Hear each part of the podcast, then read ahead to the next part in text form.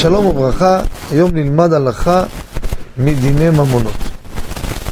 שאלה שנשאלתי מאדם שרוצה לקנות בגד מחנות בגדים בתחילת העונה, הבגד, מחיר תחילת עונה זה מחיר מלא.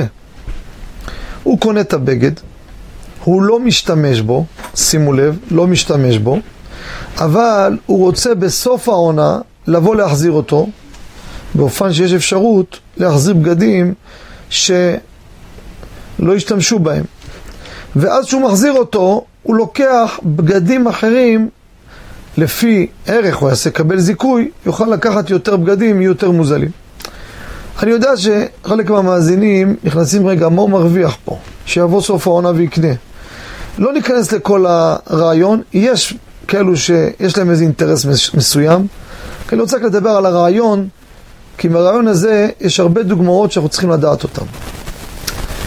אף שבעצם יש גם על פי חוק וגם על פי המוכר אפשר להחזיר וכולי, ברור כשמש שאדם שמתכנן מראש לעשות ככה, זה גזל. למה? קודם כל, בעל המקום לא מסכים. על דעת שתיקח ותחזיר, מה פתאום? פה זה הרבה יותר חמור. כשאני מחזיר בגד שלקחתי בתחילת עונה, מחזיר אותו בסוף עונה, אז בעצם אני לקחתי זיכוי לפי מה שקניתי, והוא ימכור אותו יותר זול. יכול להיות שאם לא הייתי עושה את זה, היה מוכר אותו בתחילת עונה, מרוויח יותר. אז הזקתי את המוכר. בסוף עונה מוכר את זה יותר זול, עשיתי לו נזק כספי. בפרט שפעמים גם לא מוצאים מי שייקח בסוף עונה נזק הרבה יותר גדול. ולכן צריך להגדיל ראש, הכלל הוא כזה. קרה מקרה, אין בעיה, מה מנהג המדינה, אני מקבל את זה. אבל לראש לתכנן לעשות דברים שאני יודע שבעל המקום לא היה מסכים.